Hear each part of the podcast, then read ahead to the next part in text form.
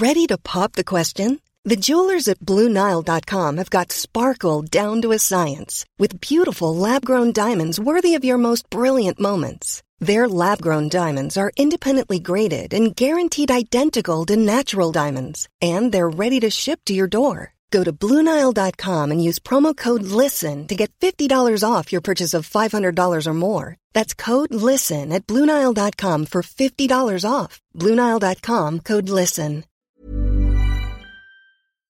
Apropå form... Nej, Sorry. Ja, kör du. Tänkte du säga något mer om det här, Ronny? Nej, nej, jag vet inte. Jag försökte bara fylla ut tystnaden. Nervös som jag är.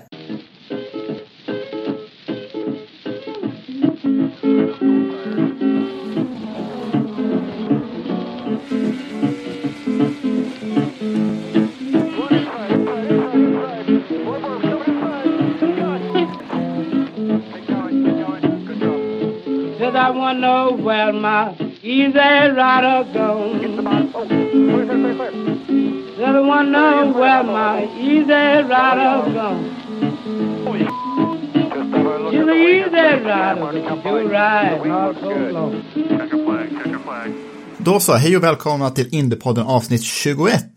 Idag ska vi förutom att bara gå igenom ett snabbt nyhetssvep om vad som har hänt i Indycar-världen senaste två veckorna ungefär. Ska också gå igenom de sista åren av 1960-talet. Början av 60-talet snackade vi om The British Invasion och nu ska vi prata om när The British Invasion började ebba ut och amerikanerna tog över sin egen sport igen. Så hej och välkomna! Men vi kan väl börja med att snacka lite nyheter som kopplar Formel 1 och Indycar eh, ihop inför 2021 och 2022. Just det, där har vi haft en, en otroligt jobbig kanalkrock, höll jag på att säga. Kalenderkrock under många år, eller hur? Om vi tänker Indianapolis och Monaco har ju traditionsenligt alltid gått på samma datum. Men inte 2021, Monaco 23 maj, Indianapolis 30 maj. Och vad Fantastiskt. Kan det innebära tror ni? Jag vet inte, men någon måste ju ha tänkt efter. Och det är ju det är en jättebra tanke. Ja, men det här är ju... Någon som jättegärna kör både Formel 1 och Indy 500. Vem skulle det kunna vara? Hmm. CP2, engine. CP2. Ja, nu vet jag inte om det är Fernando Alonso som har varit i bakgrunden och dragit i de här trådarna. Men, men det är ju väldigt bra i alla fall att inte ha två av hela motorsportsuniversums två viktigaste event på samma dag har ju, har ju inte varit särskilt, särskilt bra tror jag. För, för någon inblandad egentligen. Ja, bakgrunden är ju att det var ju en fantastisk silly season-vecka i Formel 1 förra veckan med Vettel bort från Ferrari och sen Sainz och Ricciardo. Och så finns det plats i Renault som kanske Alonso då vill ta. Men han vill ju också vinna Indy 500. Men om man skulle köra Formel 1 då nästa år igen, då kommer man ju per automatik då vara tvungen att starta sist i Indy 500 eftersom han kommer ju missa kvalet till Indy 500 om man ska köra Formel 1 i Monaco. För det finns ju en regel som säger att ja, Indy 500-kvalet är ju veckan innan loppet. Det- Det skulle ju inte funka för Alonso att, att kvala till Indy 500 då. Eh, man kan ju låta någon annan kvala sin bil, men då måste man efter regelverket, då är man tvungen att starta sist. Och eh, det gör ju saker lite svårare för Alonso ifall det nu blir så här. Men eh, kanske, kan- kanske gör historien bara än mer intressant. Vad tror ni? Absolut. Är det någon gång som man kan starta sist också med bra förutsättningar? Det är ju på Indy 500 för det, det är långt och det är, men det, det, det går ju definitivt där att du har ju betydligt större möjligheter. Hur sannolikt tror ni att det här blir aktuellt överhuvudtaget? Hur sannolikt skulle ni bedöma det att Alonso tar en sits hos Renault nästa år? Alltså knyta ihop säcken där i, eh, för karriären, i Formel 1-karriären åtminstone i eh, Renault. eh, Där hans resa började för, i, början av karriären så eller hans storhetstid började. så eh, tror jag att det är väl både Tänk om han kunde bli den som tar Renault tillbaka till toppen igen. Det hade väl varit väldigt lockande för, för en sån som Alonso. Sen om man skulle vinna Indy 500 i år redan säger vi. Då har han ju fortfarande kanske den här moroten att upprepa det nästa år. Och tänk att vinna både Monacos Grand Prix och Indy 500 samma år. Det, det hade ju spett på hans legendarstatus jättemycket. Så att jag tror att vi har ganska goda möjligheter och, och att det kan bli sant. Jag vet inte, vad tycker Jakob? Åh. Eftersom eh, farbror Flavio eh, har kommenterat i media om att eh, Alonso är redo, så det är väl 50-50 han kommer till Formel 1. Att han skulle köra Indy 500 också då, ja det är väl 25 procents chans. Han ska ju köra nu i augusti. Så jag tror det hänger på hur det går i nu i augusti. Jag ger det väldigt osannolikt att han skulle vinna i och för sig. Ja, 25 procents chans att det blir precis det här scenariet, men det är lite, lite kul att eh, fundera på. Jag tror 33,5 procents chans. Okej, okay. grej. Ja, nej men det, det är bra. Jag fick faktiskt den frågan igår. Igår var jag med i en annan podd. Jag var med i våran... eh, Vad säger ja, du? Jag är ledsen. Jag har varit ute och varit bedragit Indiepodden. Men det har bara varit en tillfällig kort affär. Ingenting att göra en stor grej av. Det var, inga, det var inga känslor inblandade. Det var...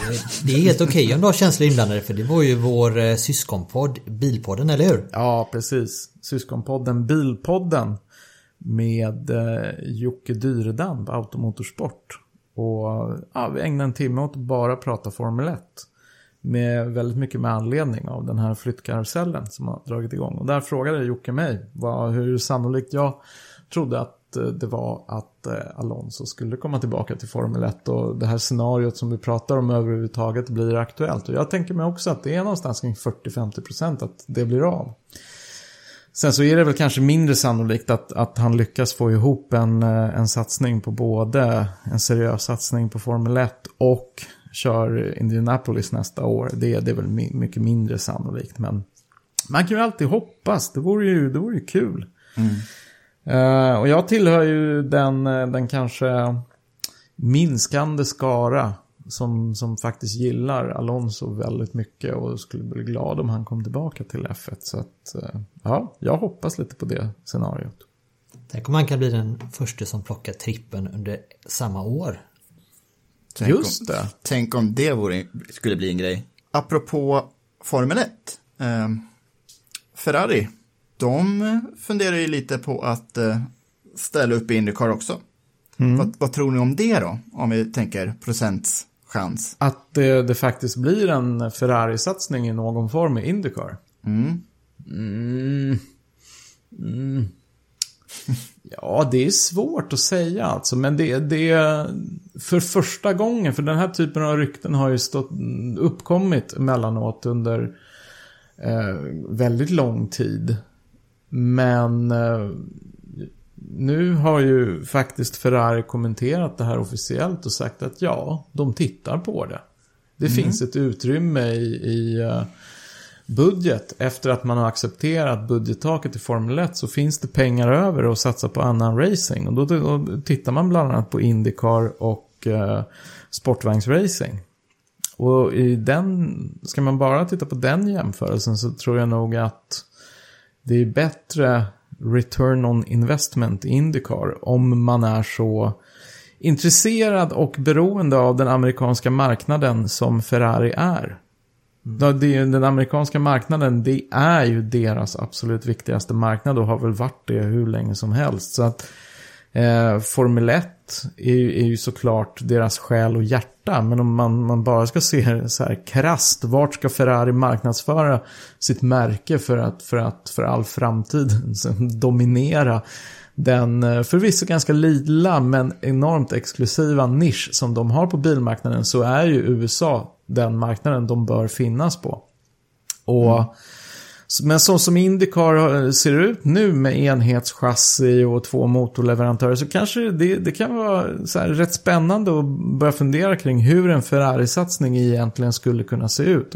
Jag, jag har verkligen ingen aning om de ska gå in som eller om de, de tittar på att gå in som motorleverantör eller chassileverantör eller komplett fabriksteam eller förse varenda kotte med, med, med motor eller vad det nu kan vara som, som planeras. Jag har ingen aning, men vad, jag, jag tror nog att det inte är helt osannolikt. Jag tror att som motorleverantör så är, är, är det till och med sannolikt att de skulle försöka konkurrera ut Dalara. Tror jag inte en chans på. Dalara har ju byggt en fabrik i Indianapolis och i, är, är ju väldigt centralt för Indycar idag. Kanske att Dalara och Ferrari bygger nästa generations chassi tillsammans. Det skulle kunna vara en sak. Men ja, motorleverantör, det, det skulle nog eh, Indycar välkomna med öppna armar. För det har de alltid velat haft en tredje motorleverantör sen eh, Lotus försvann år 2012 någonstans där. Så. Ronny, vad tror du? Nej men det har ju varit tidigare har det ju som Gergely var inne på så har ju när Ferrari har gjort den här typen av utspel så har det ju ofta varit liksom ett, ett hot för att få igenom någonting man vill eh, i, i Formel 1. Nu är det ju så att nu är detta klubbat och alla är är- det är överenskommet att hur läget kommer vara framöver här nu så att av den anledningen så tror jag också att det det är ju mer troligt än någonsin och jag är väl beredd att hålla med. Det är kanske är lite tråkigt men att som motorleverantör tror jag det är det som, som gäller. Och det är frågan är om Roger Penske har eh, är det någon som ska lyckas dra ro detta i hamn så är det väl han då. Men då kanske det inte bara är Ferrari utan att det är en eller två motortillverkare till så att det landar på en tre, fyra tillverkare. Det kan hända. Så frågan är, det är jag lite intresserad av att om Ferrari över- skulle överväga en sån här grej. Vilka i samma nisch eller i samma typ av klass som Ferrari är skulle kunna vara också aktuella. McLaren. McLaren Har inga bygger ju- pengar tror jag. Men McLaren Men de gör väl inga bygger- egna motorer? De bygger egna motorer till sina gatbilar. Ja. Och det är inga dåliga motorer heller. Absolut inte. Men jag, Så- tror att de, jag tror att de är rätt skakade ekonomiskt, McLaren. Ja, det, det finns en del sådana signaler om att de, de inte är helt, helt hälsosamma ekonomiskt. Nej, okej. Men i vilket fall som helst så var ju Roger Penske, hans stall var länge sponsrad av Marlboro, Philip Morris, Ferrari, väldigt länge sponsrad av Marlboro, Philip Morris och nu med det här Mission Winnow. De har ju täta kontakter om man väl tänker efter och eh, Penske är någon som verkligen får ihop bra deals. Så tänk om man börjar augusti månad med att presentera att Ferrari börjar tillverka motorer från och med 2022 eller något sånt. Det vore ju fantastiskt. Tänk vilket styrkebesked det vore för Indycar alltså. Ja. Vilken, eh, vilken skalp. Så jag hoppas. ju, mm, men det är ju så mycket som har förändrats inom Ferrari nu sett till. De har ju aldrig satsat på en sån ung förare som Leclerc innan till exempel. Och när de dessutom tar in Carlos Sainz eh, också så har de ju verkligen gått ifrån den här gamla modellen. Så att det, det kanske är en ny, en ny era i Ferraris ledarskap som eh, vi ser här. Och då kan ju mycket väl Indycar. Jag tycker vi säger att det är 97,5% sannolikhet att Ferrari kommer vara med i Indycar om 2022. Ja, det låter Eh, bra. Kan vi enas om det? Ja, men jag, kommer inte, jag kommer inte sätta pengar på det, men visst. 20 spänn. Okej, en Piggelin. En Piggelin. Koenigsegg tycker jag ska börja bygga motorer till Indycar också. Apropå folk i Ja. samma, samma nisch. Ja, men eh, ja. Vi sätter en pinne där och så får vi se vad som händer framöver här. Men intressant onekligen. Swedish Innovation. Vi ska snacka lite kalender också, va? För Ja, det har hänt ute, För det har vi aldrig gjort tidigare. Ja. Nej, det är det enda vi har kunnat prata om. Lite saker. Toronto kommer inte bli av som planerat. Eh, runt, vad var det, den 4 juli va? Eller var det 12 juli? I alla fall, det är borttaget i och med att stan Toronto, jag vet inte vilken delstat i Kanada det ligger i, men där får inga större event arrangeras före 31 juli. Kommer vi sakna Toronto då? Jag kommer det. Jag tycker det är en jätte, jättefin stadsbana. Den har blivit trängre och trängre för varje år känns det som. Men det är en rolig bana med omkörningstillfällen och blir ofta lite ovissa, småkaotiska lopp. Men det är en av de bättre och också en av de äldre stadsbanorna som Indycar har.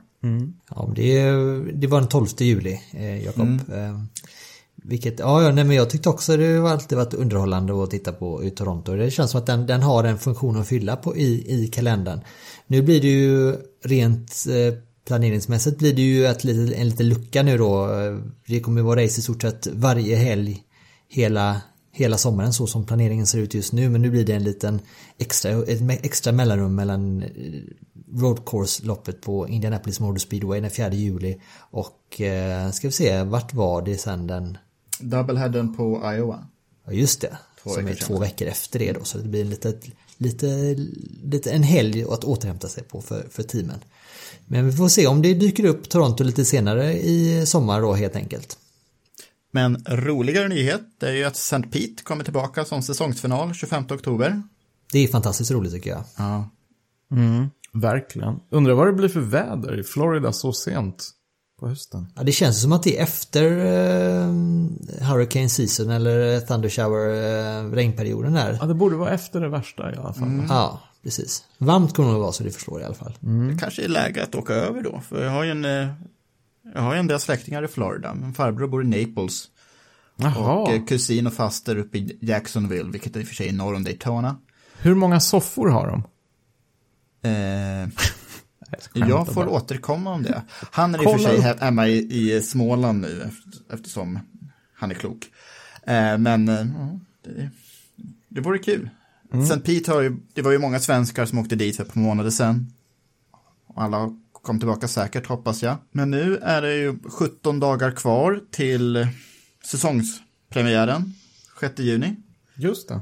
Min hjärna är kvar i februari ungefär, det står det känns trots att det är 15 grader varmt ute och så. Ja.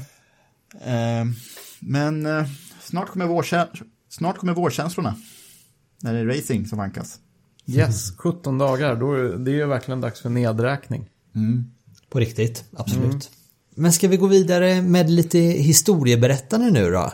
Eh, för, eh, för några avsnitt sedan så hade vi var vi framme vid 60-talet och det som kallas för The British Invasion inom Indycar. Och eh, vi var framme vid 1967 nu men vi kanske skulle ta en lite snabb, snabb genomgång av det vi pratade om senast. Varför kallades det för The British Invasion? Jo, det var för att eh, ett antal Formel 1-stall upptäckte hur lukrativt och konkurrenskraftigt Indianapolis var. De upptäckte att eh, Indianapolis-bilarna kanske var ståtliga dinosaurier, men fortfarande dinosaurier. Och med lite brittisk ingenjörskonst så vände britterna upp och ner på amerikansk racings finaste event. Ehm, Jack Brabham körde i sin Formel 1 Cooper 1961, det gick godkänt. Eh, Lotus kom sen in 1963, eh, Jim Clark kom tvåa det, det året. 1965 vann Jim Clark. 1966 dominerade eh, Clark tillsammans med Jackie Stewart, men det var Graham Hill som vann det, det loppet, då i en Lola. Så nu är vi framme vid 1967. Eh, det här är ett väldigt kontroversiellt år i eh, Indy-historien. Amerikanerna hade ju nu kommit ifatt britterna eftersom de höll på med Indycar på heltid och lyckats finslipa sina bilar också. A.J. Foyt vann sitt tredje Indy 500 det året, men det mest kontroversiella var ju inte att Foyt fortsatte där han, där han var menad att fortsätta, utan det var ju de här turbinbilarna som eh, hade utvecklats. When the parade lap was over on May 30th, it was a good start, especially for Parnelli Jones in his four-wheel drive turbo car, which was the center of controversy during the entire month. Swinging outside on the first turn, he moved from sixth to second place. Out the second turn, he slipped inside Andretti to take the lead and stayed out in front unchallenged for the first 18 laps. Parnelli Jones explained why the car lived up to his expectations. The design the car being a four-wheel drive fits the turbine engine quite well because of the fantastic torque coming off the corners. It really gives you tremendous acceleration. Two weeks earlier, in time trials, Parnelli Jones was still searching for answers. When number 40 pulled out for its qualification run, the concern of the Turbine car team was not the race, but making sure they got in the race. The car that some say isn't a car is the latest and perhaps most revolutionary innovation ever to come to Indianapolis. Powered by a 250-pound Pratt & Whitney turboprop engine, it develops over 500 horsepower. The dream of car owner Andy Granatelli was three years in development.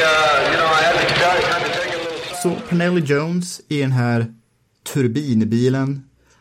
Eh, det enda problemet Pernelli hade loppet igenom var vid varvning på grund av turbinmotorns ganska dåliga gasrespons eh, jämfört med de konventionella bilarna. Han snurrade en gång, Men varje gång han förlorade ledningen tog han snabbt tillbaka den och totalt ledde han 171 av de 200 varven. Och eh, Parnelli såg ut att gå mot en historisk seger. Liksom, tänk er att en bil med en helikoptermotor håller på att vinna världens största race.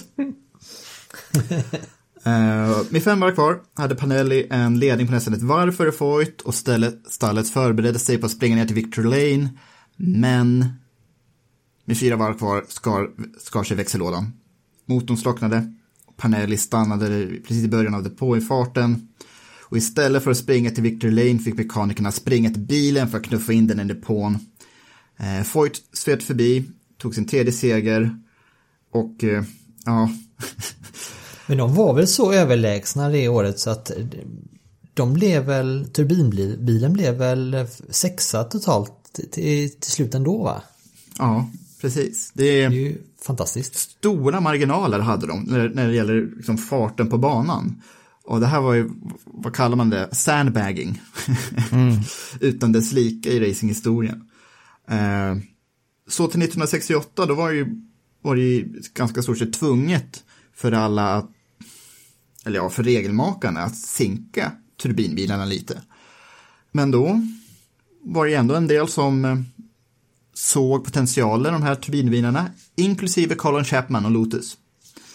Vad gjordes, vad- förlåt mig, vad gjordes förresten för att sinka dem? man, man, man tvingar dem att göra dem lite mindre. Så jag har ett par program från 60-talet i min ägo.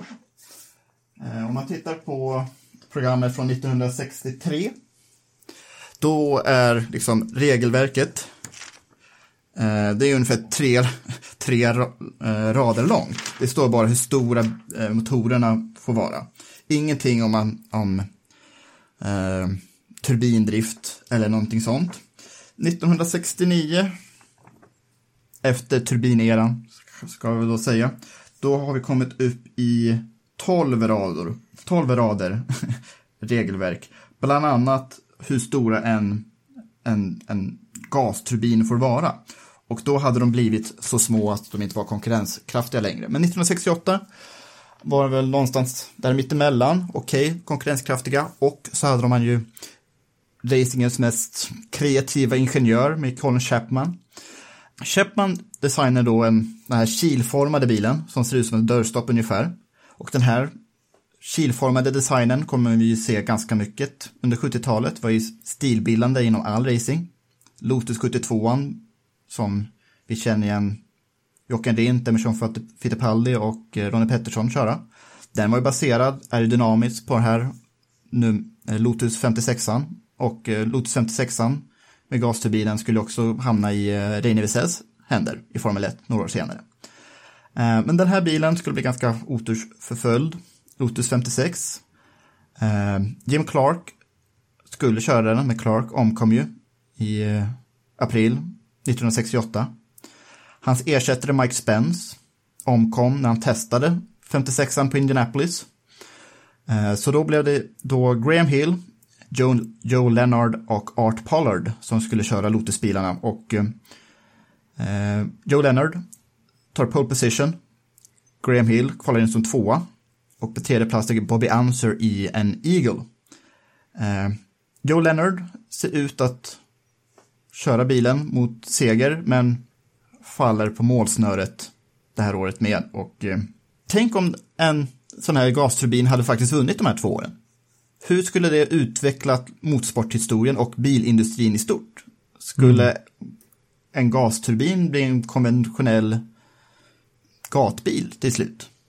Det fanns väl en del experiment på den tiden va? Med gatbilar med gasturbiner.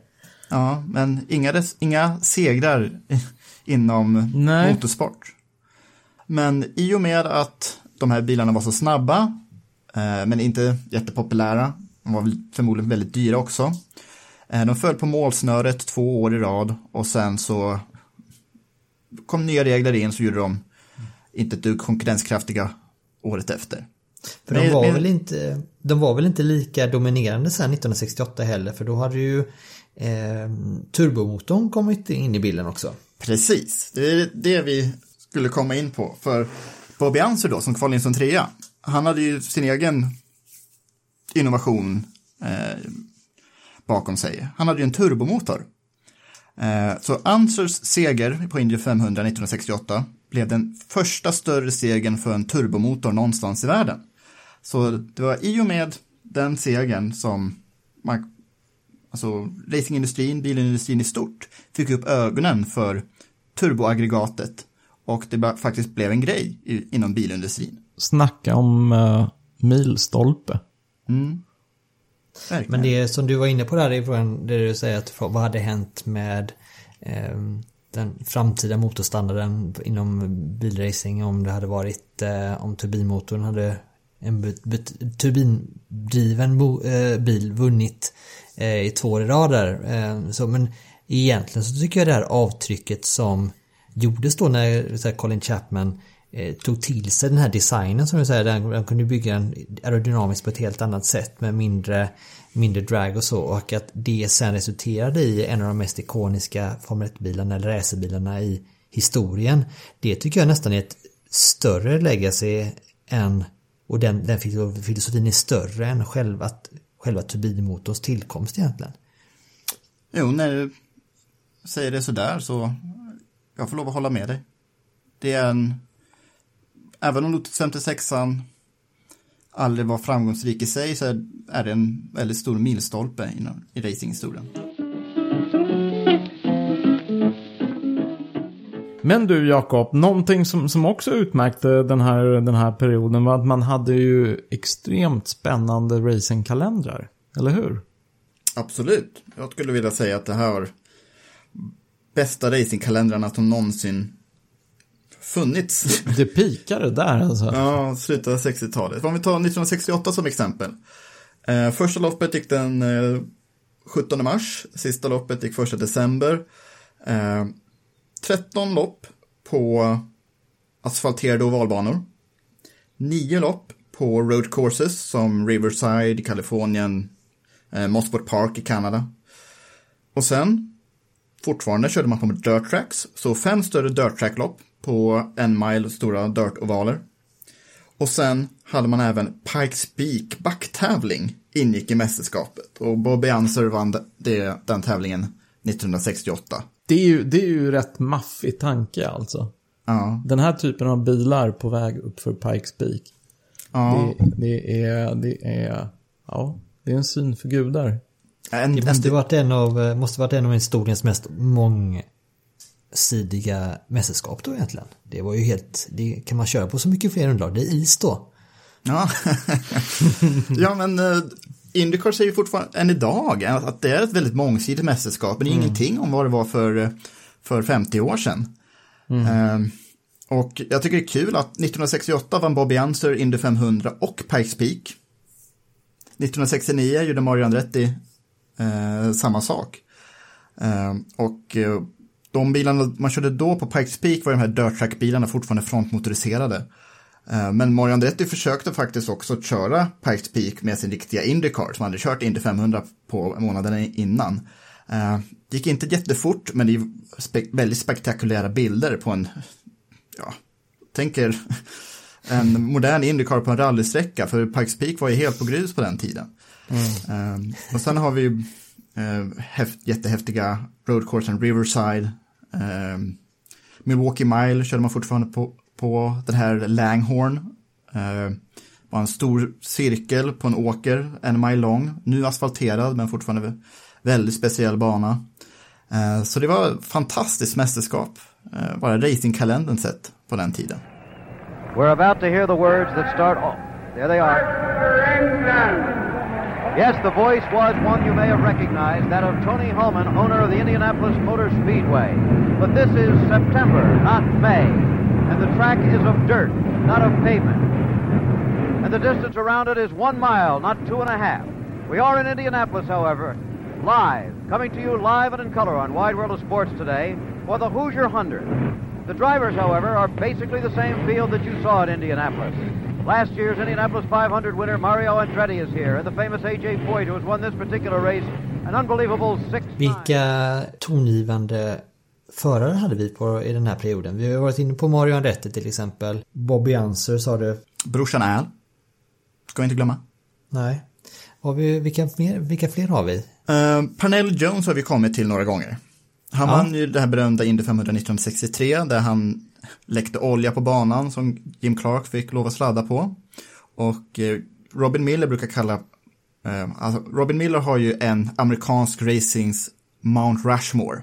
Och där brukar han ha A.J. Foyt, Mario Andretti, Dan Gurney och Panelli Jones som de fy- fyra största och alla de fyra körde ju på 60-talet. Eh, Parnelli körde inte jättelänge i Indycar, Eh, 6-7 år. Men han var först med att slå 150 miles per hour-gränsen på Indianapolis, det vill säga under en minut. Han eh, vann en lopp i Nascar, han vann här Baja 1000, det här stora rallyt nere i Mexiko. Han vann Trans Am i en Ford Mustang, alltså touring cars.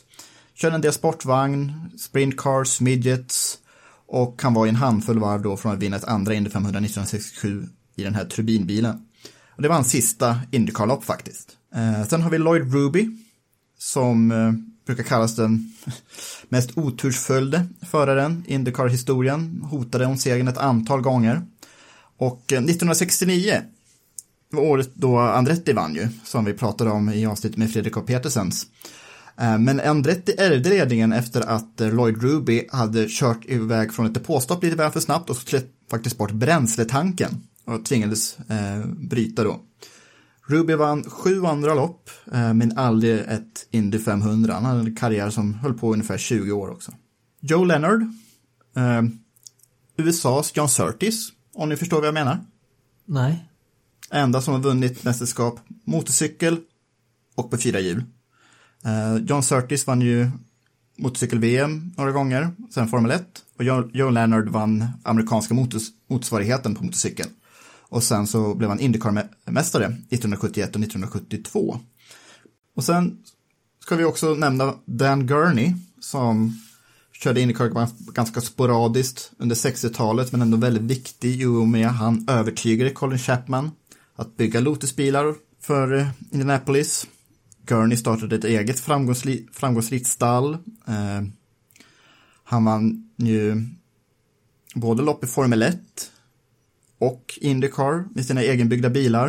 Eh, han vann själv sju av de 28 Indycar-lopp han startade, så Dan Gurney nu också eh, en rättmätig plats i Robin Millers Mount Rushmore då.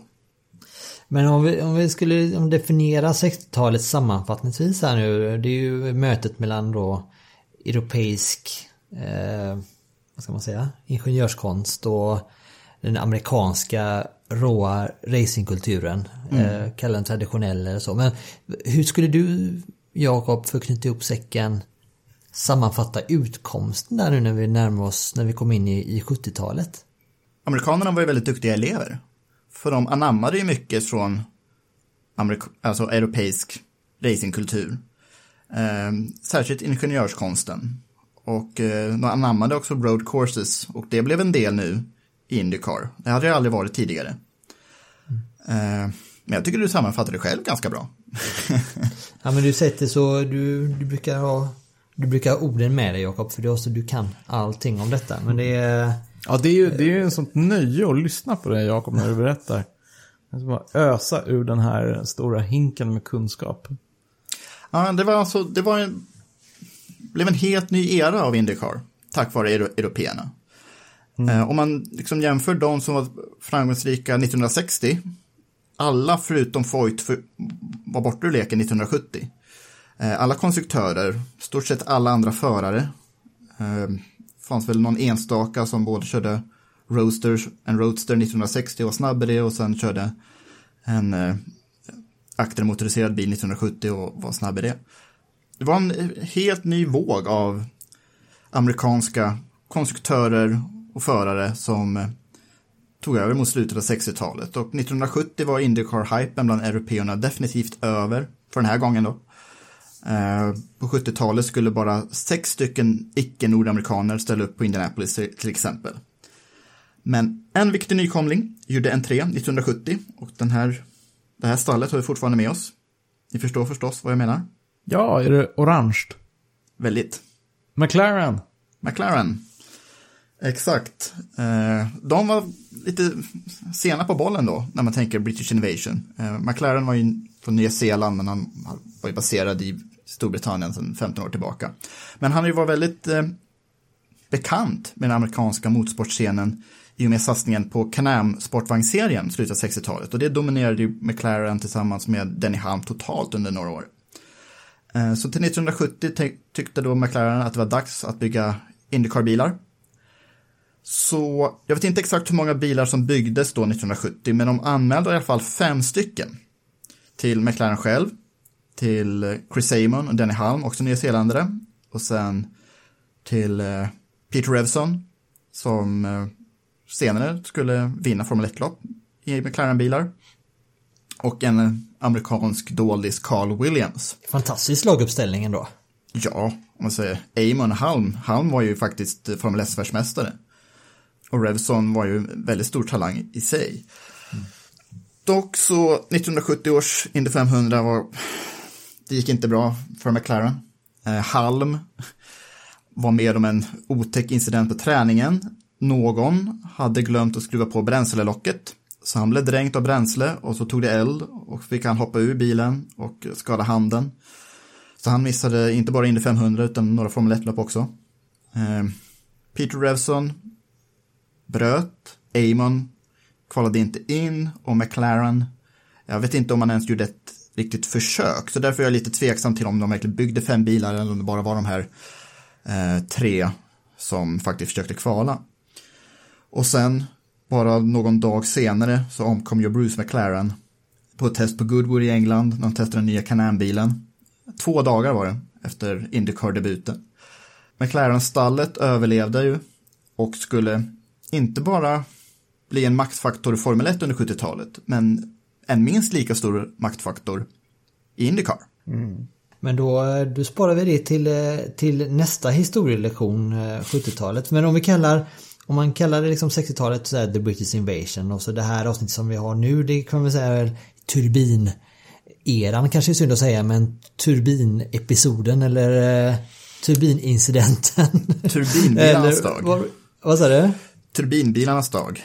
Ja, precis. Men vad, hur skulle man kunna, ska man sätta en label på 70-talet? Vad hade du gjort, vad hade du valt då? Extrema farter. Indypodden.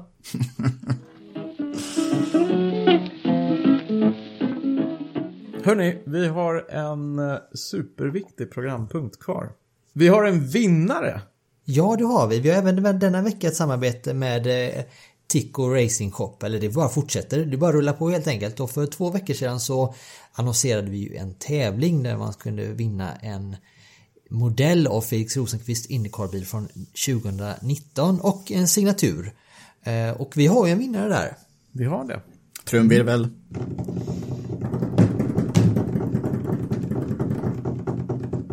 Jonas Magnusson i Partille! Woho! Gött med en göteborgare också. Ja, det är ju Vad dina härligt. hemtrakter. Jajamän. Inte är det. partisk. Nej, inte alls. Inte alls. Ja, men det var kul. Eh, jätte, så stort grattis eh, Jonas till det här. Eh, Ja. Så du kan se fram emot en eh, Felix-modell och autograf eh, som är på väg i, från Tico Racing Shop. Så du får det i brevlådan inom några dagar. Mm. Vad var rätt svar då? Ja, det skiter vi Nej, rätt svar var alltså 12 olika modeller eller artiklar i Oj. eh, shoppen där. Fick jättemånga svar på det. Ja, Alla, alla, alla flesta svarade rätt. Vilket också är kul. Eh, men Jag blev, jag blev lite överväldigad över hur många det var som faktiskt mejlade in. Så det är kul roligt. att eh, folk engagerar sig. Otroligt roligt. Och vi fick ju, Tico fick ju lite blodad tand här nu då. Eh, Så att han, vi har faktiskt fått en likadan modell till. Så hörni, tävlingen fortsätter. Så för alla utom eh, Jonas Magnusson. Han får inte vara med igen. Jonas Magnusson, du får lugna ner dig. Han får Ja. inte få det där, utan det... Du får vara nöjd med en bil. Ja. Men alla ni andra, det är, det är bara att fortsätta vara med. ja, precis. Och då ska vi ha en ny fråga. Eh, och Ska vi klämma in lite Stefan Johansson här kanske? För vi var lite inne på det förra gången också att Tico har en hel del fräcka modeller på bilar eh, från Stefan Johanssons karriär. Ja, han har så här obskyra saker.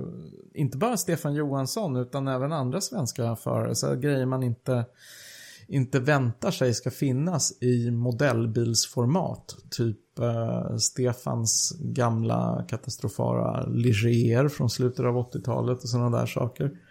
Jag blir Så. mer och mer fascinerad av den. Alltså jag, det är nästan så att jag vill köpa just den Ligén bara för, för sakens skull. Ja, exakt, exakt. Man vill ha den för att den var så dålig. Men, eh, ja. Det blir lite anti så då. Det blir lite tvärtom tänket där. Men någonting, en, en, om Leger JS31 var en riktig shitbox. eh, Så bröt typ 9 av Antingen han fick den, den säsongen han körde den Stefan, det var, han tror att det var Han tog sig i mål två eller tre gånger bara och så resten av bara eh, retired och Ja, precis. Jag tror inte, han, jag tror inte ens han kvalade in till flera race. Och, ja, nej, det var en dålig bil. Men en annan bil som var riktig vinnare det var ju den bilen när han vann Le Mans med 1997. En, eh, det är kanske ni som kan Le Mans, Jakob och Gergely. Mm. Kommer du ihåg vad det var för modell på den? Det var Oh. en Porsche va? Jajamän. Ja, med en Asterix, för det var ju inte byggd av Porsche, det var en Porsche-motor. Och en TWR, Tom Walkerson Racing, just Porsche. Just, Just det. det. Sorry. Och en Rätt händelse ska vara rätt. ju- Rätt ska vara rätt. Ja, sorry. Och självklart har ju Tico en sån modell i eh, sitt sortiment också. Och vår fråga den här gången då blir en tvådelad fråga. Det är ett, Vilken skala är den modellen i? Och fråga nummer två. Med vilka två förare delade Stefan Johansson den här bilen när han vann Le Mans 1997? Och eh, så de två frågorna tar ni reda på. Tips är att ni kan nog hitta det på hemsidan. Eh, och, eh, och då mejlar ni svaret till podcast indiepodden.se Så har ni väl två veckor på er där säger vi också eller? Så om två veckor så utser vi Ska vi, kan vi inte sätta 6 juni så vi kommer ihåg det lätt? Samma dag Ja, som det, det är kan race. vi göra. Vi kan ha det här som en slags eh, lite så här firande av att säsongen äntligen kickar igång. Ska vi ha 6 juli? Juni. Okej. Då har ni fram till 6 juni på er att svara, så det är lite drygt två veckor. Men det blir ju bra, då blir det ju får fira lite extra när det blir lagom till Indycar-premiären då. Fest! Tack till Tico Racing Shop och Tico Persson för samarbetet. Jättekul tycker jag. Ja. Då så hörni, det var väl allt vi hade att komma med idag. Hoppas att ni har uppskattat eh, detta avsnitt av Indiepodden och hoppas att ni lyssnar på oss igen nästa vecka då vi är tillbaka och fortsätter prata om eh, en massa Indycar. Och nästa vecka då tror jag faktiskt att det är dags att börja lite mer aktivt snacka upp den här säsongen återigen. Och med tanke på att hela våren nu har blivit så konstig som den har blivit så tror jag att det finns anledning att gå tillbaka och titta lite närmare på det vi pratade om i januari, februari. När vi ursprungligen höll på att snacka upp den här säsongen.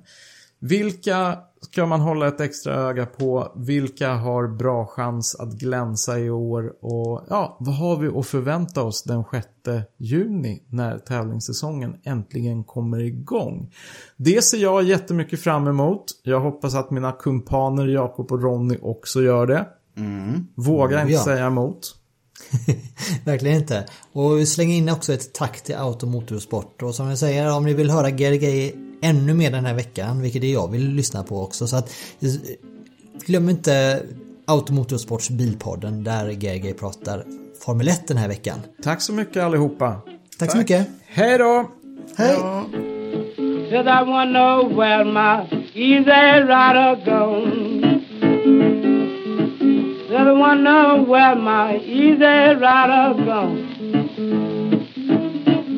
She's an easy rider, but she do ride so long.